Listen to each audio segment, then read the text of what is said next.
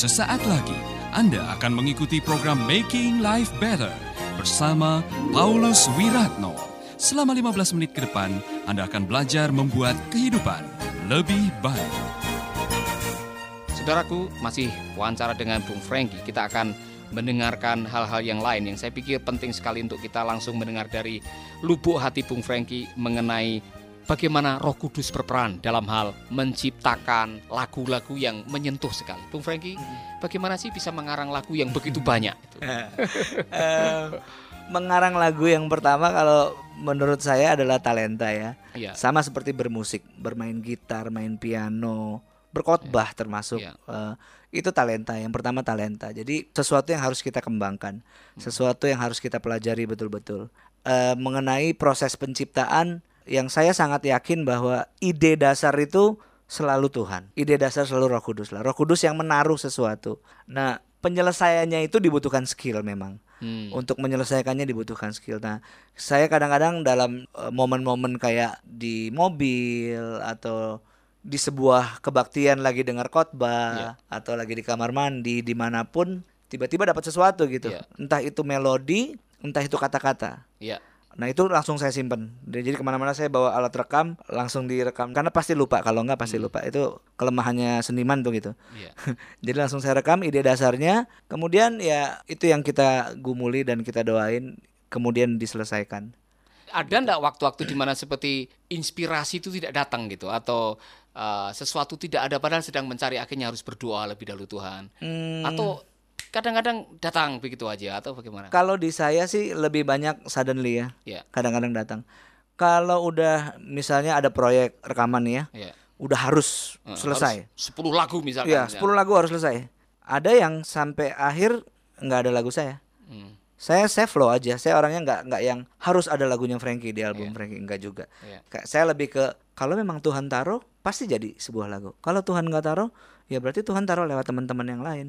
Saya sangat open banget ya, terbuka banget. Nggak ada lagu yang saya paksa saya ambil gitar terus merenung sambil doa bahasa roh 6 jam gitu nggak. karena karena buat saya nggak saya nggak Iya, perlu maksa iya. seperti itu. Itu akan datang dengan sendirinya. luar Nah, biasa. cuman memang ada lagu-lagu yang keluarnya pas mepet, Pak. Hmm, Nah ini mungkin mungkin nggak ada hubungannya dengan tuh hal yang berbau Tuhan, nggak ada hubungannya dengan hal yang berbau rohani. Ini lebih ke mood seorang seniman gitu ya, Iya, iya. yang kalau waktunya mepet baru keluar semua gitu loh ide-idenya gitu. Tapi biasanya ide dasarnya udah ada. Yang butuh waktu tuh penyelesaiannya aja. final touch-nya ini yang dibutuhkan betul-betul bukan hanya skill tapi Iya. juga Tuhan bisa mengarahkan gitu ya. Iya. Tuhan bisa mengarahkan. Nah, selama membuat uh, album sudah berapa album sekarang ini, Bung? Kalau yang solo total mungkin sudah 4 15 15 album. 15 album berarti bisa Yang berapa lagu? Udah banyak sekali lagu. Ya. Iya, iya. Luar biasa. Ada enggak semacam uh, kesan-kesan khusus untuk setiap album itu? Eh, saya pikir di setiap album pasti ada benang merah. Iya. Itu yang eh, menjadi kesan khusus ya. Ya. Eh, selalu setiap mau bikin album nggak tahu gimana lah Tuhan selalu taruh sesuatu yang akhirnya menjadi tema dasar gitu ya. Lagunya bicara tentang apa, sebagian besar bicara tentang apa gitu. Ada enggak sebuah lagu yang tercipta dari sebuah pengalaman hidup yang tidak pernah terlupakan? Salah satunya eh When I Say That I Love You yaitu lagu yang eh, buat saya punya memori tersendiri. Iya. Jadi Bisa itu diceritakan kepada kita sekalian. Lagu itu tercipta dari kegagalan kegagalan hidup ya. Ya. Saya memulai sebuah eh, pernikahan dengan eh, hubungan yang Ya. yang gagal. Jadi eh, istri saya hamil sebelum nikah, padahal udah melayani, Ya. udah melayani dan pelayanan saya waktu itu luar biasa banget. Nah itu yang membuat saya jadi jadi sombong banget. Saya membedakan diri saya dengan hamba-hamba Tuhan yang lain gitu ya. Hmm. Maksudnya di umur 19 tahun saya udah keliling Indonesia Pak khotbah. Iya, iya. Umur 20 saya khotbah di perusahaan-perusahaan gede, direktur-direktur udah tua-tua saya khotbahin gitu ya. Jadi apa ya? Ngerasa kayak eh, nggak ada yang kayak gua lah. Secara alamiah mungkin ya, tapi itulah. Dan saya mulai nggak sadar bahwa udah lebih sibuk dengan aktivitasnya daripada menjaga keintimannya. Dengan Tuhan. Heeh. Iya. Keintiman dengan Tuhannya makin kendor, pelayanan makin banyak, wah undangan makin banyak segala macam. Itu yang membuat saya lama-lama makin secara spiritual makin drain, makin Iya, kering Iya. makin kering tapi yang membuat kita nggak sadar tuh kadang-kadang pelayanannya tetap luar biasa gitu kan. Iya. Orang nggak dipegang jatuh lah segala macem. Saya baru naik ke panggung orang rebah lah yang gitu-gitu. Tuh dulu masih musim-musim begitu tuh. Iya. Saya sendiri sampai kaget gitu. Ini Iya, orang kenapa iya. sih? Perasaan Iya. gua nggak kenapa-kenapa gitu kan. Mm. Altar call kita nggak ngapa-ngapain, setan keluar lah apa Iya. segala macam. Nah, terus bertemulah saya dengan pacar saya. Syukur memang ketemunya di kebaktian. Iya. Dan pada awalnya memang hubungan kita baik banget, Iya. baik banget. Pacarnya kita kudus banget, jaga banget. Tapi yang namanya itu ya, kita cuman punya dua arah ya. Begitu kita tidak mendekat ke Tuhan, pasti kita mendekatnya ke yang lain. Ke yang lain. Benar. Itu udah pasti. Iya. Nah, saya nggak sadar bahwa kedekatan saya dengan Tuhan mulai kendor. Iya. Nah, dagingnya saya mulai narik gitu ya. Mm. Nah, akhirnya pacaran kita makin ngawur, makin ngawur kejadian.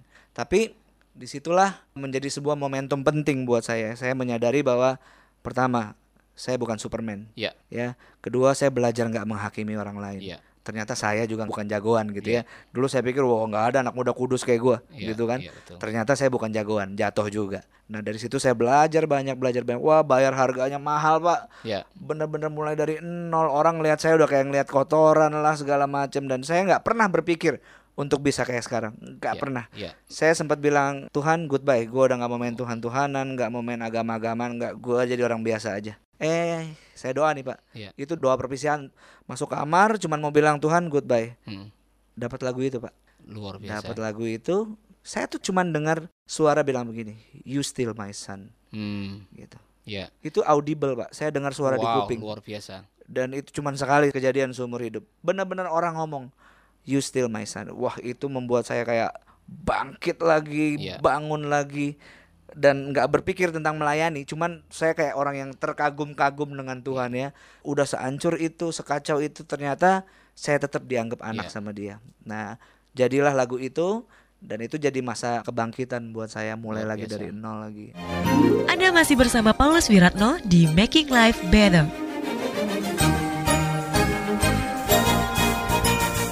Bung Franky, saya kagum sekali dengan keterbukaan Bung Franky. Ya, mungkin tidak banyak orang yang berani menceritakan bahwa dirinya pernah gagal, bahkan mungkin cenderung menutup-nutupi.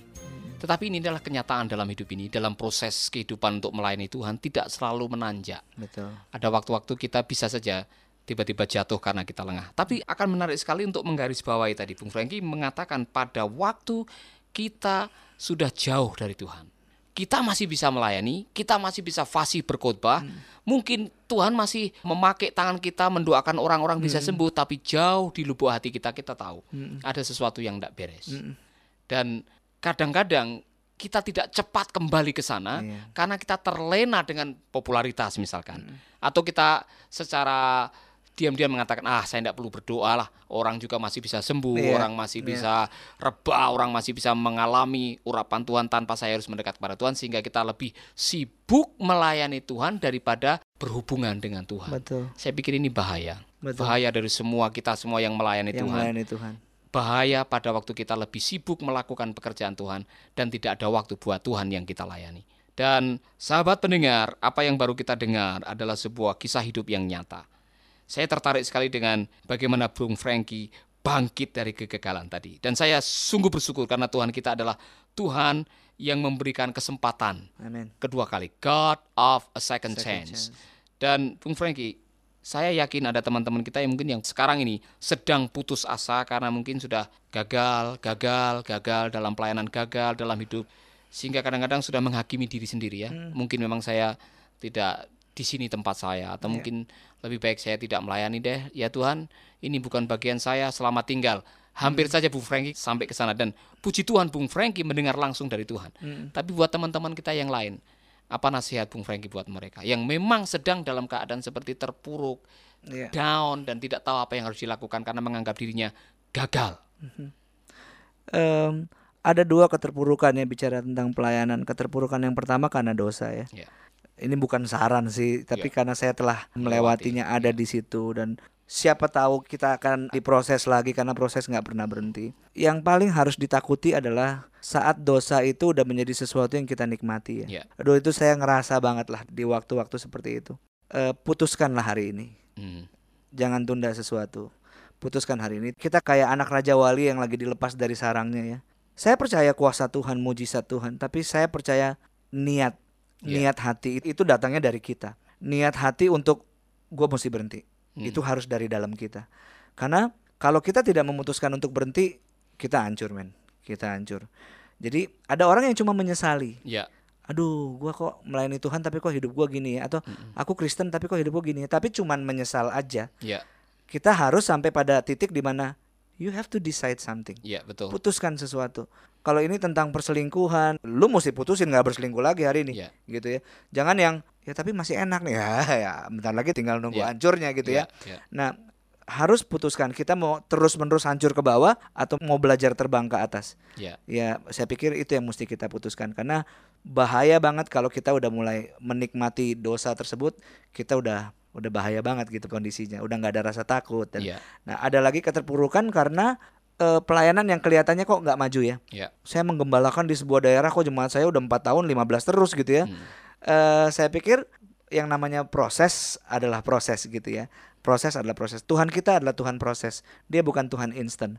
Semuanya proses. Saya bisa sampai di titik sekarang ini kayak tadi saya cerita ya. Ya. Jarak album pertama sampai album keempat itu sekitar enam tahun nih. Ya. enam tahun di mana saya rekaman tidak menghasilkan apa pun istilahnya saya bikin kaset sendiri eh, beli kaset itu sendiri jualan sendiri muntah-muntah sendiri gitu ya Iya. istilahnya semuanya kita gitu sampai akhirnya orang mulai appreciate orang mulai menghargai tapi itu semua kerja keras ya bagian kita adalah kerja keras mungkin yang lain eh, tentang pelayanan adalah bisa jadi apa yang kita sedang lakukan memang bukan bagian kita Ya. itu sebabnya nggak maju-maju gitu Iya. karena memang bukan porsi kita Iya, gitu bukan ya porsi kita. bukan porsi kita Heeh. Sementara kita sedang bicara ini Bung Franky, saya tahu ada teman-teman kita, sahabat-sahabat kita yang memang dalam keadaan down, terpuruk barangkali karena tidak tahu bagaimana harus bangkit dari kegagalan ya.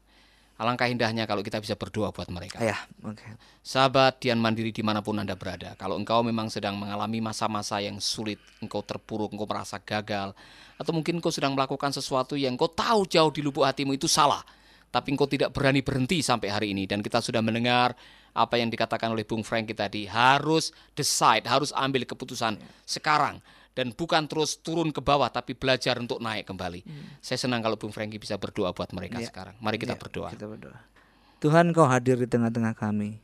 Dan kami tahu waktu kami datang pada Tuhan, itu alamat yang paling tepat. Karena engkau yang menciptakan kami, engkau yang mendesain kami, engkau yang tahu segala sesuatu tentang hidup kami. Dan aku berdoa buat sahabat-sahabat yang sedang mendengarkan siaran ini Tuhan. Apa pun keadaan kondisi yang sedang kami alami, Haleluya. keterpurukan, kejatuhan, Benar, Tuhan hanya Engkau yang bisa memulihkan kami, hanya Amin. Engkau yang bisa membangkitkan kami.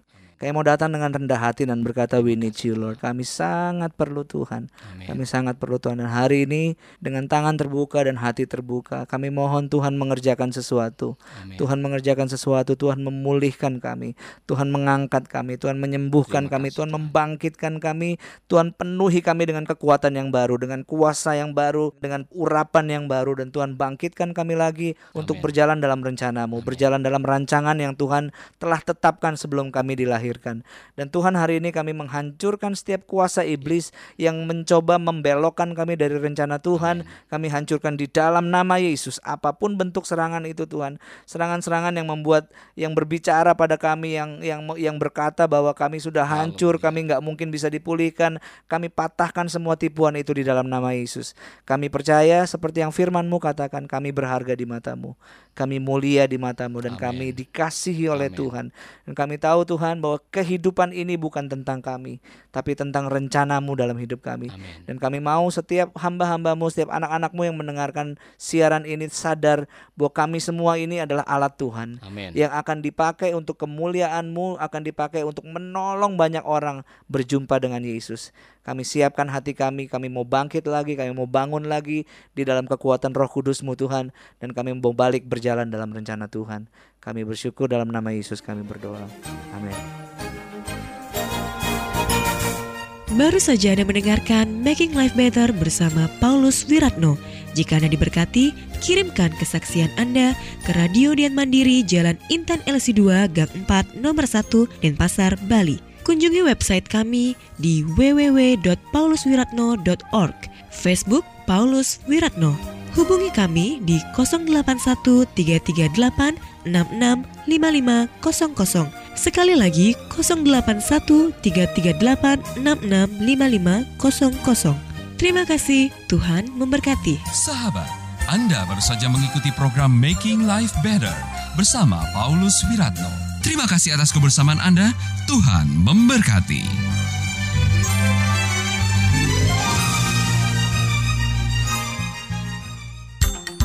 Kabar gembira bagi sahabat pecinta program Making Life Better dan Kata Bijak, mulai sekarang sahabat bisa mendengarkan program ini melalui handphone sahabat.